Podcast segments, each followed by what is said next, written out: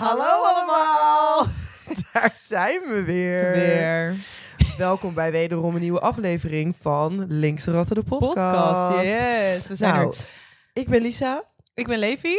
en eh, wij gaan het vandaag een partijtje hebben over... Over discriminatie, seksisme, racisme en vetfobie in de gezondheidszorg. een hele mond vol weer, Ja. maar een belangrijk eh, thema. Ja. En, Waarom is het zo ehm, belangrijk, ons lieve Lisa? Ik vind het heel belangrijk persoonlijk, omdat er veel eh, mythes Mhm. bestaan over de gezondheidszorg en ehm, over zeg maar hè, BMI en mensen met quote-unquote eh, overgewicht. Ja, En ik vind dat sowieso vetfobie eh, een heel belangrijk iets is om over te hebben. Want ik heb het idee dat heel veel mensen niet weten wat het is. En ook gewoon, we're still in denial about this. ja, absoluut. Nou, I niet wij dan, that. maar as socials. Is. En eh, ja, hoe zit jij erbij eigenlijk vandaag? Nou, vandaag. nee, vandaag eigenlijk wel prima. Nou, dat Ik, is fijn. eh, ja, ik heb een hele drukke week voor de boeg. Jij ook? Ja. Ehm, maar ik eh, zit er prima bij eigenlijk. Hoe zit jij erbij vandaag, lieve Lisa? Ook goed, ja.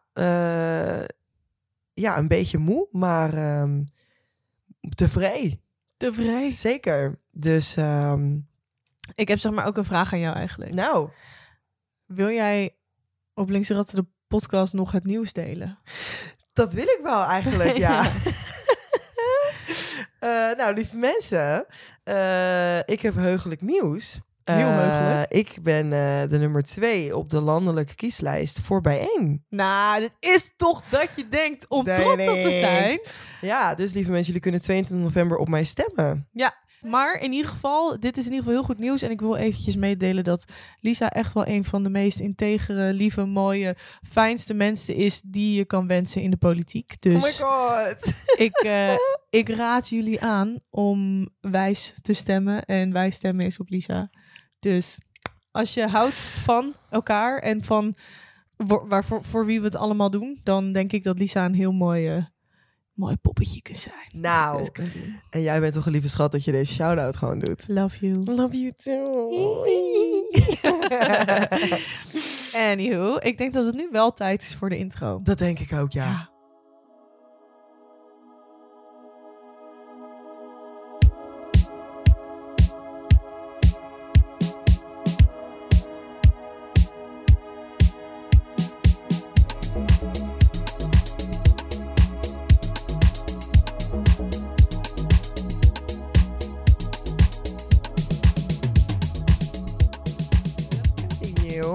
Ik, eh, zou jij de tijd willen zetten? Want dan eh, ben ik bang dat het tijd is voor wederom een ethisch dilemma. Ja, ja, ja, ja, ja, ja. On my way. Het is inderdaad weer tijd voor een nieuw ethisch dilemma. Lisa, en jij gaat hem stellen. Aan jou, zeker, Levi. Nou, vertel het maar. Eh, de stelling luidt: Is het ethisch verantwoord om mensen met een te hoge BMI te verplichten naar een diëtist te gaan? Ehm, nou, persoonlijk zou ik zeggen nee. Mhm. Ehm, ook een beetje met de achtergrondinformatie die ik heb vergaard. eh, met het voorwerk wat, eh, Ja. wat er is gebeurd voor deze mooie aflevering. zeker, zeker. Ehm, en mijn antwoord is dan nee, want BMI is some bullshit. En dat is dan zo'n bullshit. ja, nee, BMI is gewoon, het, het, het is letterlijk... Nee, maar dat gaan we zo meteen dus allemaal uitleggen. Maar nee dus, Eh, dat is niet verantwoord. Sowieso vind ik dat mensen zelf keuzes moeten maken. eh, wat betreft hun gezondheid. Tuurlijk, als iemand echt op een puntje van doodgaan staat... moeten ze dat in principe eigenlijk ook gewoon lekker zelf weten. Maar, maar ik denk dan wel dat het fijn is als een arts zou zeggen van... hey, alleen uit zorg naar Dit- jou toe raad ik dit aan. ja, ja. Eh, maar dat heeft niet te maken met BMI. Dat heeft dan te maken met hoe het daadwerkelijk gaat met het lichaam. ja, precies. En daar, dus jij zegt eigenlijk, BMI is geen indicator Nee, voor hoe gezond voor- iemand is. nou, nou, dat zeg jij weer mooi. Nou, geen Oké, enkel probleem. nou, dan zijn we wederom binnen de tijd gebleven. nou, Dit vind ik toch netjes. 1 minuut 14 seconden. nou, dat vind ik ook wel. Lekker, ja.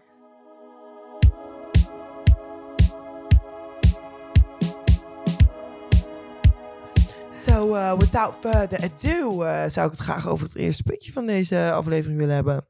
En dat is dus eh, nou, discriminatie, seksisme en racisme in de gezondheidszorg. Hoe zijn we tot dat punt gekomen? Want over het stukje vetfobie, daar komen we later op terug, zeg maar. Ja. In deze aflevering. Nou, het zal jullie niet verbazen, maar ons zorgsysteem zit vol met misvattingen over medische verschillen tussen witte mensen en mensen van kleur. Dit heeft als gevolg dat veel medische kennis gestoeld is op wetenschap uit koloniale tijden. Big surprise, maar niet thuis. Nee, Gewoon once and again. Eh, nou, daarbij moet ik zeggen dat zeg maar, de witte man dus als, als standaard wordt gezien. En hoe, ja, wat bedoelen we daar nou mee? Nou, om heel precies te zijn, een witte man van 70 kilo tussen de 20 en de 40 jaar. Eh, dat is de standaard proefpersoon die gebruikt wordt in wetenschappelijk onderzoek. Dat is toch bees. Sorry, maar wat? Weet je wel? Van, Ook erover nadenken dat... Maar ook tussen 20 en 40. Huh? Dat is dan toch, dat is toch een soort van wat mensen. Dat is, sorry, zat ik weer niet in die mic te praten. Dat is toch wat mensen altijd zeggen van het soort prime of your life, zeg maar. Dus Ja. dan zou je toch, dan ben je toch juist ook gezonder. Dus het lijkt me raar dat dan alleen die. dat dat de standaard is. Ja, Plus, ehm, ja, in Nederland heb je natuurlijk heel veel witte mensen. mhm. En dat is dan alleen Nederland. Maar over het algemeen zijn witte mensen echt wel in de minderheid. Als je kijkt naar de wereldbevolking. Ja. Dus het is heel raar dat dat is gebruikt als. eh, de standaard. ja, Ja, en dat is natuurlijk dan wel, kijk, in western eh, medicine, zeg maar. Maar ja, Ja. dat is wel het ding wat op dit moment, ehm, waar wij mee te maken hebben, zeg maar. Laat ik het zo Ja. zeggen. En maar waar aan- ook over heel de wereld ook. Zeker, alsnog. waar ook zeg maar eh, dokters en eh, artsen en zusters en zo van kleur. Eh, zeg maar in, in boeken, in medische boeken staat ook gewoon vaak alleen maar als het gaat over huidaandoeningen. Mhm. eh, alleen maar plaatjes van hoe dat eruit ziet op een witte huid. Ik moet ook, ik kan uit ervaring spreken, want ik heb natuurlijk een week, wel Ja. geteld een week, huidtherapie gedaan. Eh, side story. Ik eh, kwam er na een week achter dat ik heel erg vies ben van mensen. Ja, begrip ook gewoon. dus ik ben gelijk gestopt met die studie. Dat is heel raar. Ik zat in mijn eentje te kokhalzen in, die, eh, in dat klaslokaal. Terwijl de ja, rest allemaal nee. heel serieus bezig. Erg. Maar goed, eh, uit ervaring kan ik spreken dat het moment dat ik dus afgeschrikt werd. Afgeschrokken? Afgeschrokken. Afgeschrikt. ik weet niet, dat Ik jij geschrokken raakte. Nou, dat ik, dat, ik, dat ik dacht, I'm, I'm out gewoon. Eh, Fuck the shit, I'm out. nou ja, dat moment was dus toen ze mij al die huidaandoeningen lieten zien. Ja, begrippers. Maar dat waren inderdaad alleen maar witte mensen. Ja, en ehm, nou kunnen jullie natuurlijk ook wel bedenken, lieve luisteraars, dat dat op een gekleurde huid eh, er gewoon heel anders uitziet. Ja. En hoe, dat weet je dan niet. Dus wat krijg je dan? Misdiagnosticering. Maar goed, daar gaan we zo meteen nog verder op in. Ehm, ik wilde het nog even hebben over die standaard dus in Ja. eh, wetenschappelijk onderzoek, maar ook in de eh, medische gezondheidszorg. Ehm, om hem, dus die witte man van 70 kilo tussen de 20 en de 40 jaar, eh, worden bijvoorbeeld medicijnen tegen reuma en de veiligheid van autogordels getest. En op basis van hem wordt apparatuur ontwikkeld die gebruik maakt, maakt van kunstmatige Hoe intelligentie. Zo, dat is een goeie. We noemen hem eh, Paap. Hoe? Paap. Paap. Papi. Niet Henk? Ik zat te denken aan Henk, maar Of dat is zo typisch. Nee, ik moet, het moet een andere... Het moet Hendrik. Hendrik. Mm, Nee, pak Nee. me ook niet echt. Erik. Lodewijk. Lodewijk. Ro- Roderick. Rode... Rode schrik. Oeh. Of, nee, het kan altijd erger. Hoe dan? Evert Jan. Ja, Evert Jan. Oké. Ehm, Dus de witte 20 tot 40-jarige man waar wij het nu heel de hele tijd over gaan hebben, noemen we even voor het gemak Evert Jan. Evert Jan, ja. Nee, grapje, we gaan hem niet heel de tijd Evert Jan noemen, Nee, want dat is joh. natuurlijk confusing, maar het is Evert Jan. De standaard, dus waar dus die medicijn op wordt getest. Eh, nou, hè, dat heb ik allemaal gezegd. Eh, ik ga even verder, eh, want er is dus kunstmatige intelligentie ook onder andere op ontwikkeld. Alleen, zoals we allemaal weten, bestaat onze samenleving niet uit één soort mens. Niet alleen uit Evert Jans. Nou, gelukkig Weet maar. je wel? Nou, dat je denkt, what about zeg maar vrouwen, kinderen of mensen met een andere etniciteit dan deze Evert Jan? Door slechts te focussen op Evert Jan, oftewel één type mens, is wetenschappelijk onderzoek ontstaan eh, met blinde vlekken. Dat wordt, eh, dat wordt gezegd door eh, hoogleraar Ineke Klingen. Nou, bedankt Ineke, want jij hebt natuurlijk weer helemaal een partijtje gelijk. Eh, zij zegt vervolgens met alle gevolgen van dien... Het lijkt me goed dat het ministerie van OCW... en ik wist waar dat voor stond, maar dat ben ik nou weer even vergeten... Nou, maakt ook niet uit. Eh, als grote financierder van Nederlands onderzoek... ehm, voorwaarden gaat stellen op het gebied van diversiteit... in de inhoud van onderzoek. Nou, dat lijkt mij ook dat dat eh, belangrijk is. Volgens Ineke eh, zijn er meerdere oorzaken te noemen waarom de witte man nog steeds heel vaak als standaard proefpersoon wordt gebruikt in wetenschappelijk onderzoek. Allereerst, zegt zij, en dat is een historisch feit, staat de man, tussen aanhalingstekens, al eeuwenlang voor de mens. dat is grappig, want dat is ook Kiki, kaka. kaka. Ja, maar dat zie je ook ehm, bij allemaal van die oude sociologen en zo. Uit eh, van 1895 tot, nou, laten we zeggen 19... 30, 40? Ja, ik wil hoopvol zijn, maar... Volgens mij tot, nou, volgens mij wel tot 1950 of zo. Ja, laten we het tot de jaren 50 gaan. spreken niet over de mens, maar over man. Ja, En dan bedoelen ze dus ook echt mannen. Dus ook heel veel sociologische perspectieven en, en ideeën zijn allemaal alleen gebaseerd op mannen. en dat is toch erg. Ja. Maar ja, veel problemen van vrouwen worden in de biomedische wetenschap als niet interessant beschouwd en de klachten van vrouwen werden, maar worden, gebagitaliseerd. Daarnaast is het voor een wetenschapper fijn om gebruik te maken van een zo homogeen mogelijke groep. Als er weinig variatie is onder proefpersonen, dan zijn bepaalde verschijnselen makkelijker te bestuderen en te analyseren. En dat zal allemaal heel erg goed waar kunnen zijn. Dat is het ook. Dat weet ik ook zelf uit sociologisch onderzoek. Maar waarom dan steeds, steeds dezelfde? Waarom dezelfde homogene groep? Waarom niet zeg maar dan... Ja, nou ja, jullie snappen wat ik bedoel. En dat, eh, dat maakt mij gewoon... eh, Volgens mij is het ook zo dat ze het makkelijker vinden om op mannen ook te testen. Omdat mannen niet een maandelijke cyclus, maandelijkse cyclus hebben. klopt. En daar hoeven ze dan geen rekening mee te houden. Ja, Ehm, want ze hebben een cyclus van een dag. klopt. En vrouwen, of nou ja, mensen met een baarmoeder, die hebben een cyclus van een maand. Dus dat is gewoon voor het is makkelijker. Maar ja, juist, je moet juist de wat meer ja, gecompliceerde lichamen gebruiken, lijkt mij. Lijkt mij ook. Als je adequate zorg wil bieden. Maar goed. Zeker. Maar goed, eh, daar gaan we het nu een klein beetje over hebben. Ja, want ik ga, ik ga jullie nou gewoon even vertellen waarom dat dan is dat er niet meerdere homogene groepen worden onderzocht, maar eigenlijk altijd de witte man. Nou, juist omdat de werking van geneesmiddelen, maar ook bijvoorbeeld het ontwerp van autogordels of apparaten met gezichtsherkenning zo verschillend kan zijn voor mensen met een andere sekse of huidskleur, leeftijd of gewicht, moet in wetenschappelijk onderzoek niet meer alleen gebruik gemaakt worden van de witte jonge man van 70 kilo als proefpersoon. Even, witte ofwel jonge E- Evert Jan. Evert Jan. Eh, nou goed. Het is een wetenschappelijk echt gewoon fout om slechts één homogene groep te onderzoeken. En vervolgens de resultaten uit te breiden naar gebruik voor allerlei andere groepen. Want dat dit is gewoon raar. Als vrouw, als een vrouw botst met een auto, geeft een autogolder die is getest op mannen niet de veiligheid die ze nodig heeft. Want eh, veel vrouwen hebben ook borsten, bijvoorbeeld. De vorm en kwetsbaarheid van haar lichaam is dus ook gewoon letterlijk totaal anders.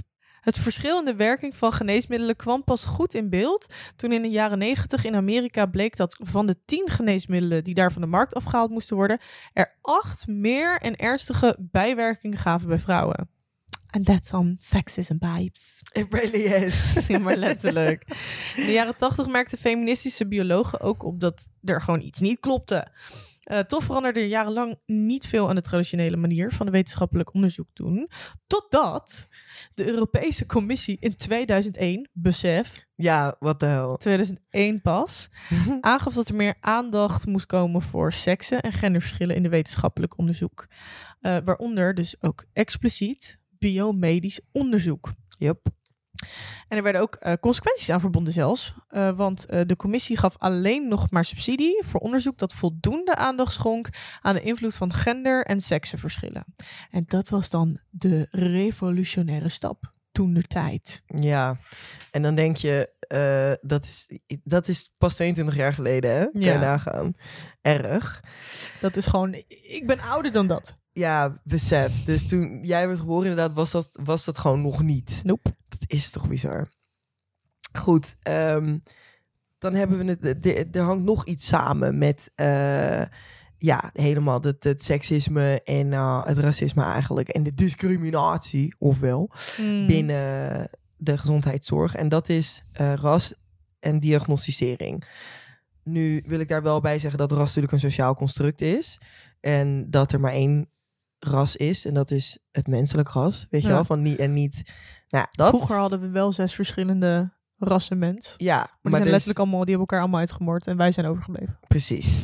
precies. Als Homo sapiens. Ja. Ja, De precies. homo sapiens. Je had ook nog de Neandertalers Ja. eerst, maar die zijn uitgestorven. Die zijn in de laan uitgestuurd. Ja, en je had er nog veel meer, maar Ja, de homo sapiens zijn overgebleven. Dat zijn wij. Exact.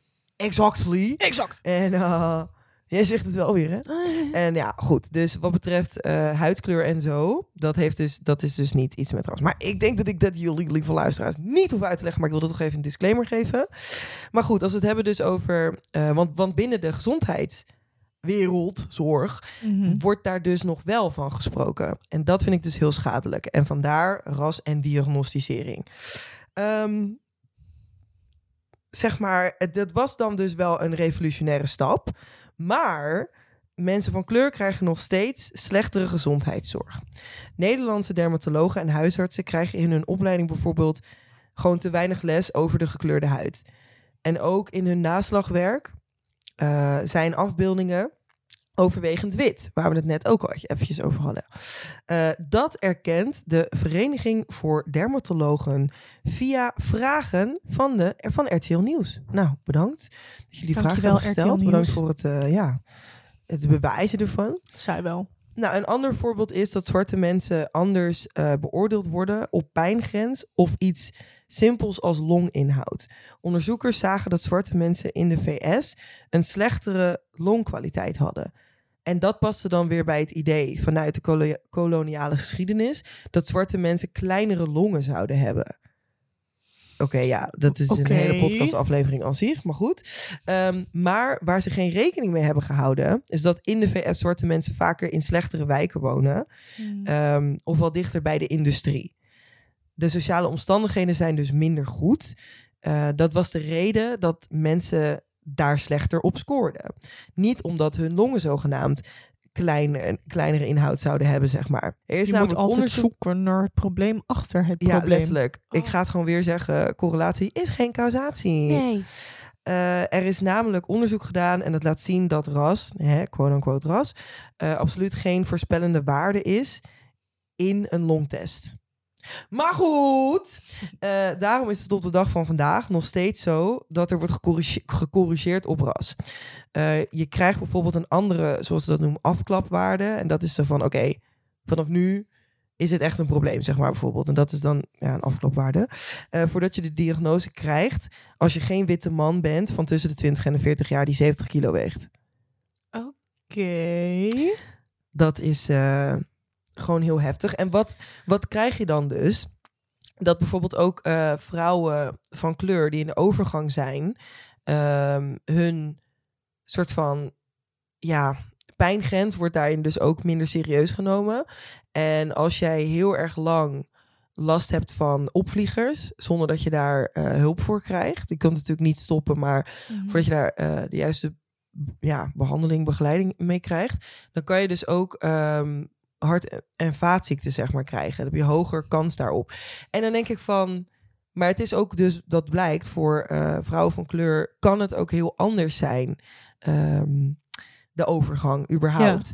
Dus dat is ook alweer zoiets typisch. En laten we het niet hebben over ehm, als je zwanger bent als vrouw van kleur. Of als persoon met een baarmoeder van kleur. Dat je dan dus ehm, allemaal complicaties kunt krijgen. Waar bijvoorbeeld niet eens op is getest of wat dan ook. Ja. En jouw pijngrens wordt gewoon niet serieus genomen. Dus als jij heel erg veel last hebt ergens van tijdens je zwangerschap, maar ook in het algemeen, dan wordt dat gewoon niet. Klopt het dan ook niet? De, ik weet niet zeker of dit klopt. Eh, want ik heb dit gehoord. En ik geloof natuurlijk ook wel gewoon dat dit zo is eigenlijk. Maar goed. Dat er meer moedersterfte is onder mensen van kleur ook hier. Omdat Ja. dus inderdaad de pijnklachten of de klachten tijdens het bevallen niet serieus worden genomen. Klopt, dat had ik inderdaad eh, ook gevonden in een zeg maar grafiekje eh, van. Even kijken, dan scroll ik heel even naar onze bronnen. De bronnen. Het artikel wat ik heb gelezen over van de specialist. Ehm, en daar stond in dat ehm, van alle moeders die sterven tijdens de geboorte of eh, aan gevolgen van Mhm. eh, oh, geboorte, geboorte geven, ja toch? Ik geef een geboorte. is, ehm, zijn witte vrouwen natuurlijk eh, het minst. Ja. Aziatische vrouwen het twee na minst. Mhm. En eh, vrouwen van kleur echt zeg maar met 60% meer of zo, weet je? Dat echt, is echt bizar. dat is ook echt bizar. Ehm, ik vind het gewoon echt schrijnend. Dus dat, dat pakt me echt niet, zeg maar. Nee. Ehm, en ja, persoonlijk vind ik het gewoon bizar dat in today's day and age, bijvoorbeeld om zelf een voorbeeld te noemen. ehm, ik was naar de huisarts gegaan vorig jaar, omdat ik ineens eh, heel veel meer last had van zeg maar menstruatiepijnen Mhm. en pijnen tijdens de ovulatie eigenlijk. Ja. Dus ik dacht van, nou, what could it be, weet je wel? let's check it out. Let's check it out. En misschien ligt het aan mijn spiraal dat die is gaan zwemmen of wat dan ook, weet je wel. Of dat ik van die, je weet toch van die, hoe heet dat nou, dat je zeg maar eh, van die vleesbomen basically Ja, maar dat kan. in je baarmoeder hebt of Ja. wat dan ook. Dus ik dacht, ja, I want it to be checked out. Nou, en wat wordt er dan door mijn huisarts ge- gezegd? Dan wordt er letterlijk gezegd, ehm, ja, is er in jouw familie, eh, komt, komt dat vaak voor? Dus met die vleesbomen, zeg maar. Ja. Dus ik zo, nee, letterlijk geen één vrouw, weet je wel, Ja. vanuit mijn familie. Ehm, en dan is het zo van, ja, want, eh, hè, N-word.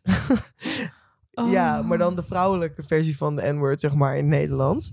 Oh. Ehm, ja, daar, bij, bij hen komt dat vaker voor. Dus ja, weet je wel. En ik zat daar echt van, oké. Maar ik zei maar, oké, maar gaan we daar dan dus nu op testen?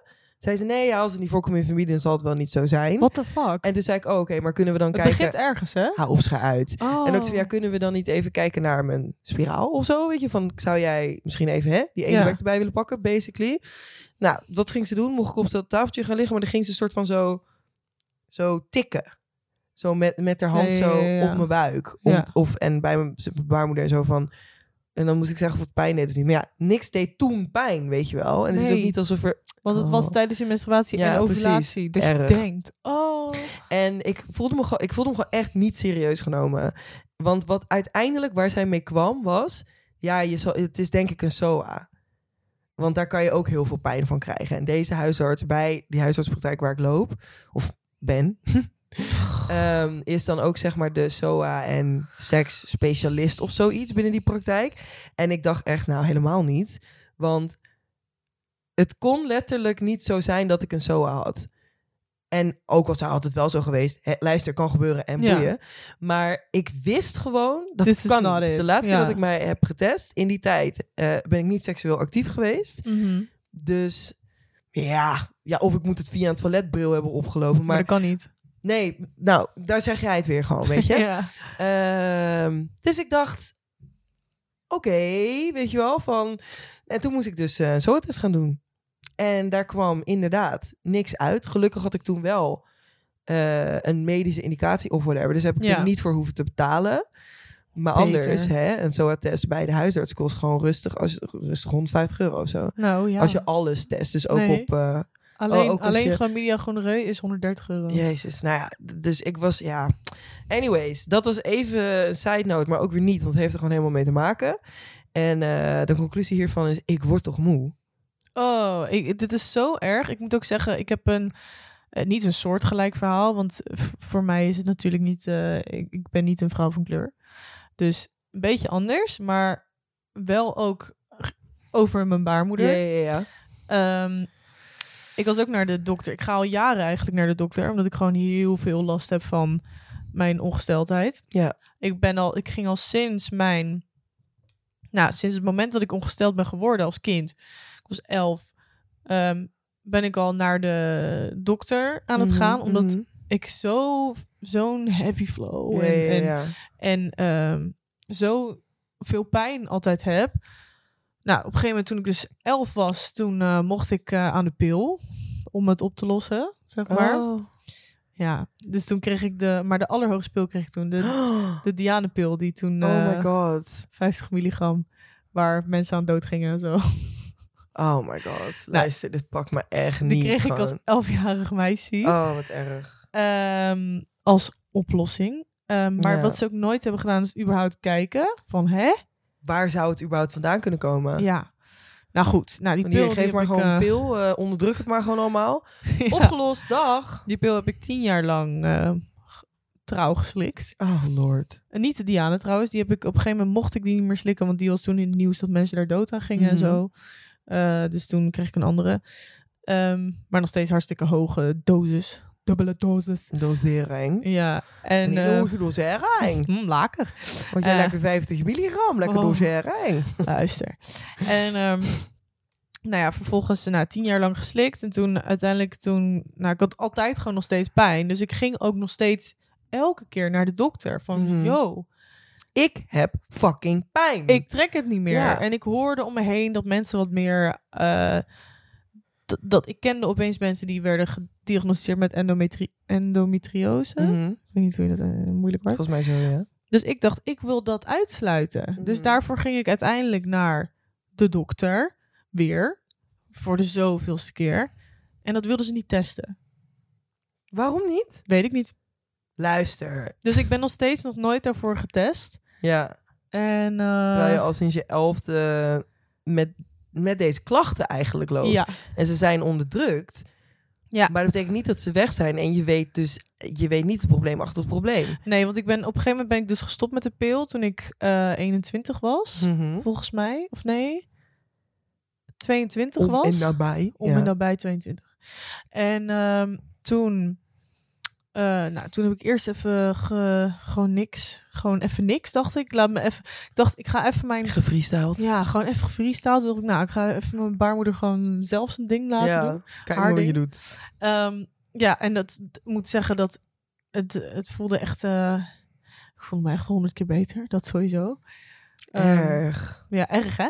Maar de pijn die bleef wel. Ehm, maar ik moet zeggen, het was minder Dan, dan toen je dan... elf was, zeg maar. Ja. Ja, ja, dat sowieso. Maar ja.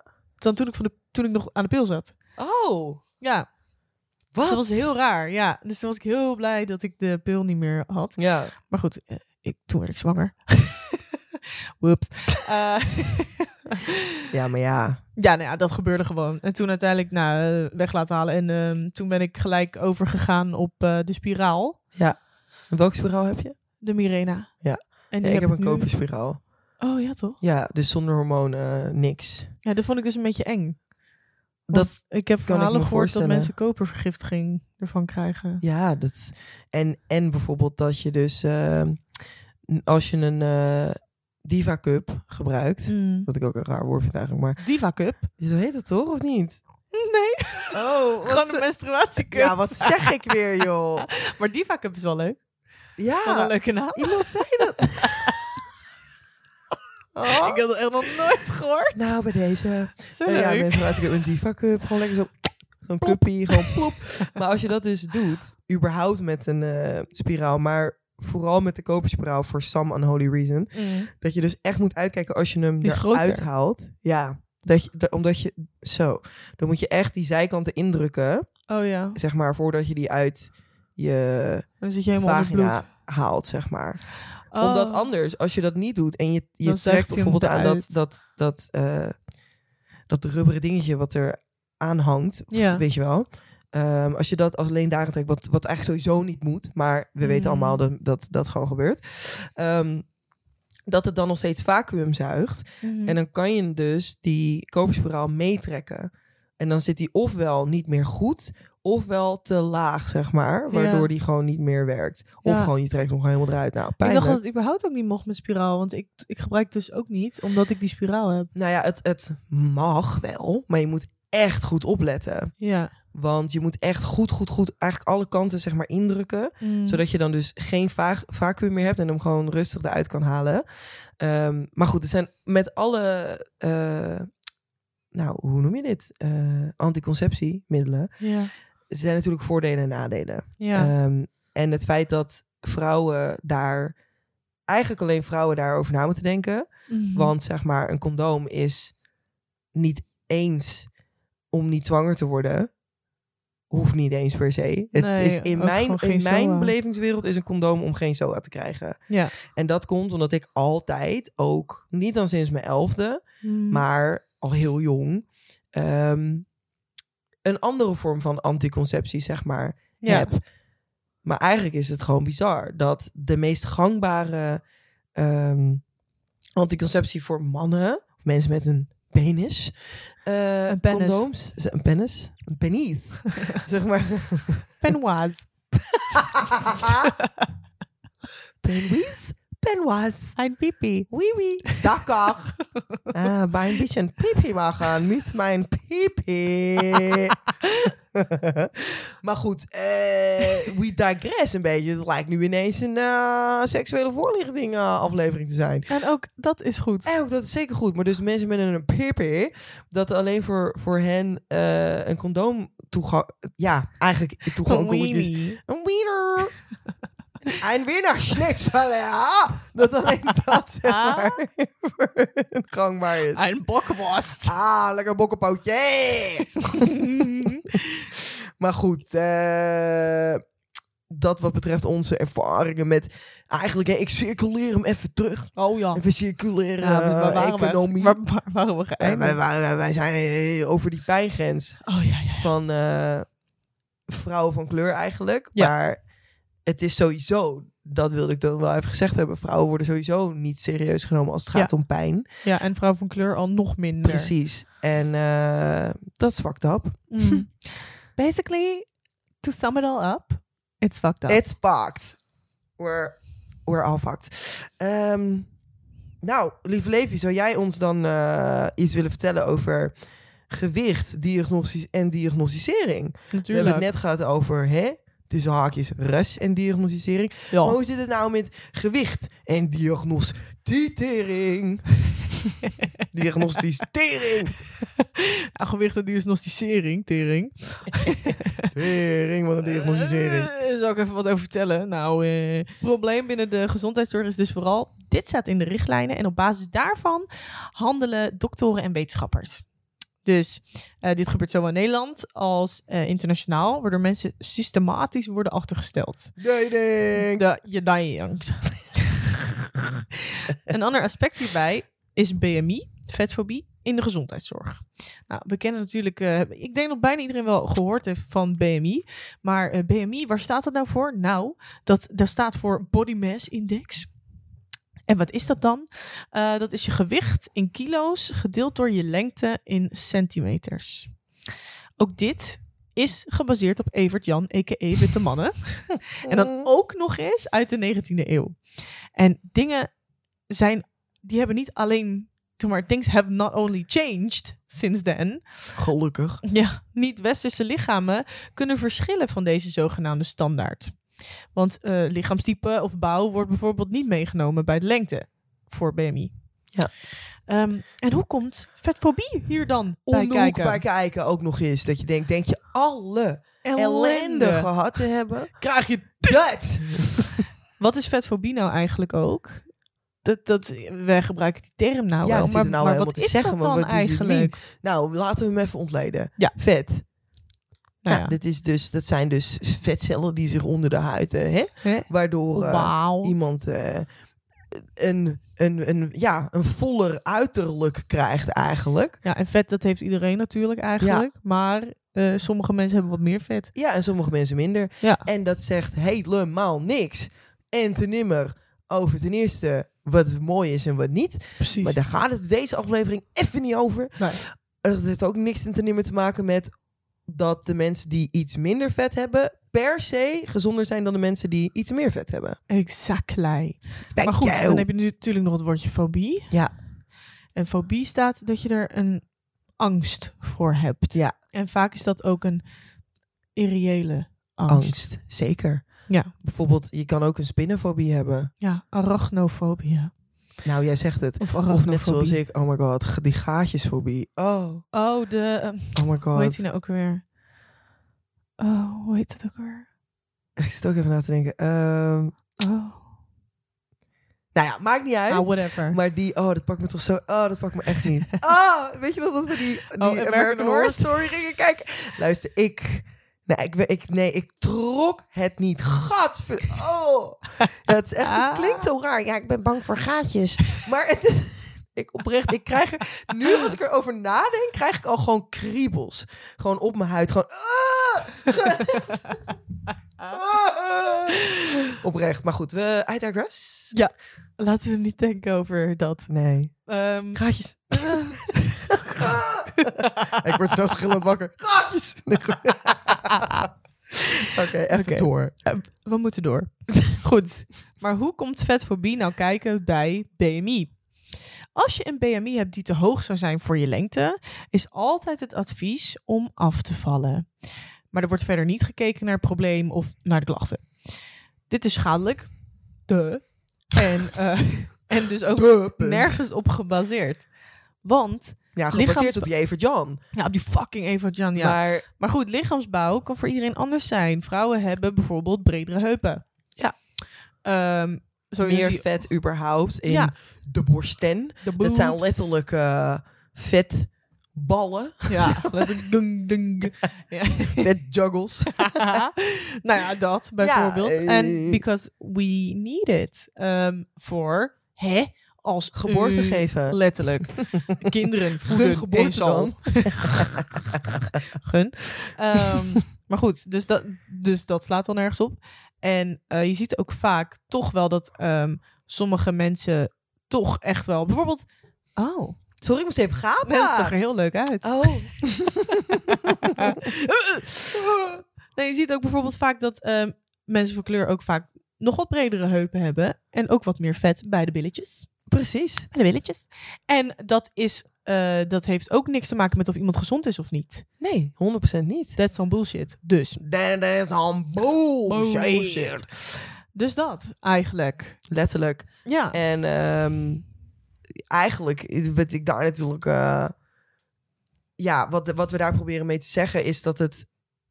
het maar vetfobie zit ook dieper in de maatschappij, zeg maar. Hè? Want het is natuurlijk ook, het zit ook in ons eh, schoonheidsideaal diep geworteld. Mhm. Ehm, terwijl dat natuurlijk vroeger bijvoorbeeld wel anders was. Ja. Dat als je dan in het Westen, hè, laat ik het even daarop houden, want daar zitten we nu. Dat het als je Ja. dan zei van hé, hey, eh, als je juist een rond buikje had of zo, weet je wel, of wat vollere armen of whatever, Ja. je lekker, lekker in je vel, lekker hé. Dat, dan was het eh, van, oh ja, chill, want je hebt genoeg geld om Ja, altijd welvaart. gewoon te kunnen eten. Is welvaart. Daarom noemen ze dat het welvaartsbuikje. Welvaartsbuikje. Nou, en die heb ik. En, En ik eh, ook. ik, ik ben er blij mee. Nou. Ik ben er bijna zelfs trots op. Ja, maar dat is grappig. Hè? Het schoonheidsideaal dat verschuift zo snel. Precies. En dat zie je ook. Zo hoorde die... Precies. Dat is net die opa van... eh Oh. Family Guy. ik kan het niet. Het ging per ongeluk. Anyways. Maar goed, het, het verandert zo snel. Dat het zelfs in 20 jaar tijd volgens mij drie keer heen en weer is gegaan. Precies. Door een gratis pakkenhuis. Naar Naar, eh, BBL Kim Kardashian Ja. editiones Ja. naar whatever the fuck het nu is. Maar je ziet het nu. Zie, eh, ik- Oké, dus mijn, mijn observatie is Ja. geweest. Als In volgt. de jaren negentig. Mhm. Daar was het echt. Daar moest je echt graten. Ja, je moet echt hero, heroin chic zijn. Kan Gewoon graten pakken, huis daar, boots de house down. Je wil gewoon, Ja. gewoon, gewoon letterlijk. Kloek, En- kloek, kloek, kloek. Als je loopt, gewoon knikkende knieën. Let. Nou, dat heeft nog even doorgetrokken tot en met eh 2010 of zo, denk ik. Ja, En vervolgens kwam Kim K. een partij langslopen. En die had een hele, hele hè, volop te wijzen rijd. nep, mag wel gezegd worden. Ja, ja, ja. Ja, en dat, dat, zij was toen opeens een schoonheidsideaal. Toen was het dus heel mooi om dus wel hele mooie dikke billen en dikke borsten te hebben. Maar natuurlijk... Maar geen buikje. Nee, buikje, dat mag en ook niet. hele dunne armen. en ja. ook hele dunne benen. Dat het En dat niet ken meer klopt. niet. Dat is niet... Bijna niemand heeft zo'n lichaam. Nee, precies. Maar goed. Dus eh, het schoonheidsideaal, dat is echt letterlijk... Nou, dat is zo zelden. Niemand kan er echt aan voldoen. Nee. Ehm, plus, nou, toen op een gegeven moment... En ik heb het idee dat nu we weer terug aan het gaan zijn... naar het gatenpakkenhuis zijn. Ja, dat denk ik ook. Dat weet ik eigenlijk wel zeker. Ja, Maar goed, dus er zie ik zit- om me heen. Maar zelfs in de Kim K-era, om maar zo te zeggen, in de afgelopen twintig jaar analyse van hè, Ja, dat zit dus ook, da- daarin komt ook de vetfobie terug van oké, eh, wel op bepaalde plekken moet het heel groot zijn, laat ik het even zo zeggen, en Ja. op bepaalde plekken moet je lichaam heel klein zijn. ja, Ehm, maar dat in de natuurlijke wereld, ja. dat kan bijna niet. Nee. Zelfs niet als je heel veel bijvoorbeeld sport of whatever zeg Ja, maar je kan van, ook niet plaatselijk afvallen. Nee, precies. En, en vet, dat... Plaatselijke regenbui, plaatselijke afvalsessie. Nee, maar dat is zoiets wat ook heel vaak wordt gebruikt in... eh, als, mensen, als je reclame ziet voor sporten of weet ik veel. Of Ja. mensen die... Ook gewoon filmpjes van mensen die dus sporten. Die zeggen van, Ja, oh, als je een strakke buik wil, dan moet je deze oefeningen doen. Zo werkt het niet. Je kan niet alleen een strakke buik krijgen. En nee, precies. Nou, jij zegt het weer. Ja. Maar daarin Ik vind ik meer dus dat je... daaronder, maar... Precies. Maar daar, daardoor vind ik dus ook dat je die vetfobie, nus of het al, Mm, ook in terugziet heel erg. Ja. En ehm, BMI dus, wat dus gewoon zo fucked up is, is dat als je dan... Ik bijvoorbeeld ben, nou, letterlijk, ik weet nog dat ik in de eerste klas, in de brugklas, die lach. ja, erg kan wel, kan wel janken. Dat ik daar tijdens biologieles echt voor het eerst leerde van wat is dan BMI of zo, weet je wel. Ja. En dat, dan moesten we dat ook in de klas, en plein fucking publiek, gaan berekenen. Nou, we weten allemaal hoe eng het is om op die leeftijd je gewicht te zeggen. En nog steeds, weet je, want het is gewoon Mm. fucked up. En ik was toen al, volgens, ja, ik was even lang als dat ik nu ben. Maar heel veel jonger ben natuurlijk. Ik ben eh, officieel gemeten 181,6. Mhm. Koningin. Maar ehm, ja, als ik schoenen aan heb, ben ik basically 1,85. Ja. Ehm, maar goed, dus dat. En ehm, toen had ik bijna, ik zat bijna zeg maar in het overgewicht eh, categorie. Nou, lieve mensen, als jullie een foto van mij zien van destijds, luister, graten, pak huis, gewoon echt. Nee, maar, nee, maar en dat was prima, want whatever, ik was echt nog Ja. super jong en ik sportte superveel, deed tennis, dit, dat, weet je wel, van ja. ik fietste naar school, eh, whatever. Er wordt ook helemaal geen rekening gehouden met spiermassa. Nee. Wat, wat überhaupt zwaarder is dan vet. Letterlijk. Massa. Maar dus ik was, nou, ik was helemaal niet getraind of zo, maar ik had ook niet geen spieren. En ik was even lang als nu. Maar ik was echt, nou, ik, ik moest geen vijf kilo afvallen hoor. Want dat, ging het dat, dan ging het mis. En, maar dus volgens die BMI zou ik dat wel moeten doen. Minimaal vijf kilo afvallen. Erg. En dan denk ik van, maar goed, dat is één voorbeeld natuurlijk. Maar dit, is, dit speelt bij heel veel mensen. Op dit moment, eh, volgens de BMI, zit ik bijna bij zwaar overgewicht. Dat Ah. je denkt. en dan denk ik van, eh, ik train tegenwoordig gewoon. Mhm. Niet heel veel, maar deadliften, een beetje dit en dat. Ja. Ehm, dus ik heb ook, ik weeg ook meer ten aanzien van eh, twee jaar geleden of zo, voordat ik dat ik in de, na de pandemie ben ik pas net weer begonnen met echt. Nou, anyways, long story short, ehm, ik weeg nu meer in Ja. kilo's, maar dat komt omdat ik meer spier heb dan toen. Dus Ja. ik ben gewoon sterker. En in mijn optiek is dat gezonder, ja toch? Mm. Ehm, ja toch? maar, maar volgens baby ben heb ik bijna zwaar overgewicht. So, I love that for me. That is some bullshit. Ja, letterlijk. Maar goed, eh, ik zou hier nog eh, uren over door kunnen praten. Ja, maar dit is dus al een van de redenen waarom BMI in de gezondheidszorg gewoon echt afgeschaft moet worden. Zeker. En Want- ook het denken in ras, zeg maar. Ja, maar het is ook gewoon, het is geen goede indicator of iemand gezond is of niet. Nee, want stel hè, stel je zit binnen die, dat groene soort van vlakje van Ja. oké, eh, je bent, ik zeg maar wat, 1,75 en je weegt, weet ik het, Whatever. 60 kilo of zo, zal wel. Ehm, en dan, maar je rookt. Je drinkt elke dag alcohol. Eh, ieder weekend. eh, alcohol is something that shuts the thinking mind down. Ken je dat filmpje? Nee. dat is zo'n TikTok. Ehm, ik drink geen alcohol, want alcohol is iets wat de thinking mind shut down. ja, deze man is heel grappig. Hij praat heel tijd Engels-Nederlands. maar Oh. goed, even... Ik ging even voor de grap kijken naar mijn B- BMI. mhm. Ik ben gezond. Jij wel. Maar ik zit tegen hoog aan. Je zit er tegenaan, ja. Ja. Dus ik moet nog, eh, ik denk, als, zal ik eens kijken voor de grap? Als ik er 77 kilo van maak. Oh. Oh. Hè? Dan opeens moet ik iets... Oh, oh dan ben je... Nou, als ik 77 kilo zou dan ben Twee ik... eh, kilo erbij en het is klaar. Ja, Ja, ik... eh, dat je denkt. Ja, zie je, ik zit, ik zit tegen de... Ik zit tegen de... Veel te hoog aan, zeg maar. Oh. En als je man zou zijn? Hetzelfde. Oh. Oh, dat is ook raar dan. Maar je bent... Oh, wacht, maar je bent niet Oh 25. nee, nee, ik ben Oh, ben ik? 29.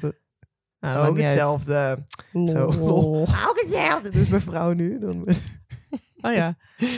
Want dat is toch... Hè? Maar dat staat toch weer nergens op. Hetzelfde. Ook hetzelfde. Maar ik weet die wel volgens mij. Want dat, dat gebruik ik altijd om kleren te kopen. Maar dat weet ik niet uit mijn hoofd. Mm. Maar goed, heel even nog weer terug. Ja. Ehm, Back to maar hier is dan ook weer ons mini-onderzoekje. Komt dan toch ook wel weer eh, naar voren. Dat hè, het toch ook echt met niet-westerse lichamen. Ja. ook wel echt heel erg eh, gebaseerd is. Beest. Beest. Want ja, weet je, ik kan. Ik zou echt wel. eh, nou, stel ik zou 10 kilo afvallen. Ja. Mijn benen gaan nagenoeg dezelfde omtrek hebben. Ja. Want je kan ook foto's kijken van vroeger. That's just. Dat is gewoon Jouw vlees. Ja. zeg maar. Nee, maar dit is gewoon. dat Met om gewoon. vast te houden. Dit zijn gewoon. eh, dit is gewoon bindwijfsel wat daar zit, weet je wel. Natuurlijk zit er ook vet. Duh, dat heeft iedereen. En vrouwen hebben. Nou, snap je van. Ja. de- maar. Dit. Dat is mijn bouw gewoon. Ja. En Dat had daarmee... ik vroeger al. Ook toen ik dit, nog dat gratenpakkeus was. Ja. Weet je wel? Dus nagenoeg gaat dat geen verschil maken. Nee. Maar dan ineens of zo zou ik er wel... binnen. Nou, weet je, ik word, ik word toch moe. Ik word toch moe. ben ik bang dat mijn punt eh, gewoon is... Ik word echt moe. Nou ja. Meer Maar dan goed. begrip. Ook ik. Ja, ook gij. Ook gij. En ik hoop jullie luisteraars ook.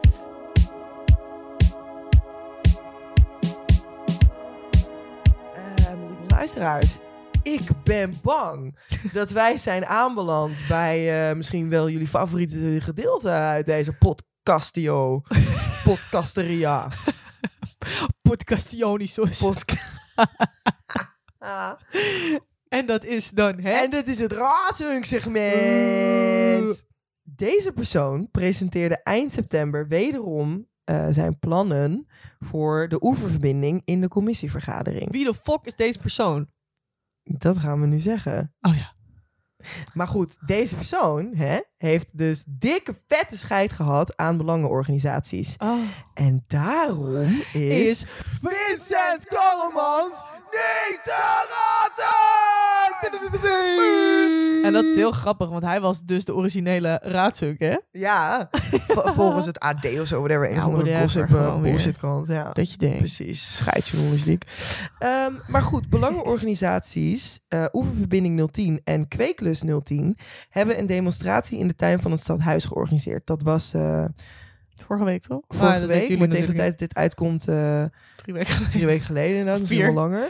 Anyways, dit was half september uh, in de tuin dus van het stadhuis. Zij willen de Ash redden, oftewel hashtag red de Ash. Uh, er ligt namelijk een plan om het mooie stukje ongerepte natuur in Rotterdam te verwoesten door er basically een tweede Erasmusbrug Dat je uh, te denkt. bouwen. En daarbij deze brug autoluw, maar niet autovrij te maken. Je. Daar je denkt, dit heeft dus geen zin. Uh, en we gaan nu luisteren naar een stukje van het manifest. Dat is voorgelezen door Jaap Kes van Socialisten 010. Uh, daar gaan we nu naar luisteren. Daadkrachtig gaat het college in tegen het advies van partijen met meer kennis en inzicht dan zijzelf. Wat betreft de oeververbinding is dit een patroon. Ook willen we de aandacht vestigen op het advies van de DCMR, de Milieudienst, dat vandaag in de commissie zal worden besproken. Dit advies is uitgebreid en ingewikkeld, maar we vatten het voor de commissie graag samen. Simpelweg, het is volgens hen helemaal nog niet duidelijk wat de effecten van de brug zullen zijn. Het nut en de noodzaak van een brug ten opzichte van een tunnel zijn nog niet aangetoond. De omgevingseffectrapportage moet dat bepalen en die is nog niet eens uitgevoerd. Laat de Milieudienst van Rotterdam weten. Wat dit betekent is dat het college een besluit maakt voor er kritische vragen zijn beantwoord. Wat ook negatieve gevolgen kan hebben voor alle ambities die de commissie vandaag bespreekt. En dus ook op tuinbouwvereniging Kweeklust. En daarom zijn Oeververbinding 010 en Jaap Kes wel de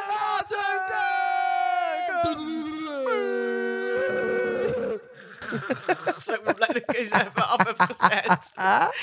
Oei. Kijk ook. Ja, ik ga stuk. Ah. Lieve. Dat was hem weer. Ja. Nou, ik hoop dat jullie hebben genoten van deze appellijbronk. Ik hoop het ook. Anders, ja, eeuw, Anders ja. is het heel erg jammer. ja. Je hoeft niet te luisteren, hè? Dus eh dan niet. je had hem al lang kunnen uitzetten, maar ja, goed. precies. Maar ja, goed. Bedankt dat je tot hier hebt geschopt. Eh, wil je nou meer van ons horen? Volg ons dan vooral op de socials. Eh, Ja. Je kan ons vinden op X, voorm- voormalig Twitter, Instagram en TinkTonk, oftewel TikTok. Plink plonk. Via het Linkse Ratten de podcast. Vergeet ook niet ons vijf sterren te geven in de podcast-app waarop je deze mooie aflevering nu luistert. En vergeet niet te abonneren, zodat je de volgende podcast niet mist. Het dag. Anivo. Bye.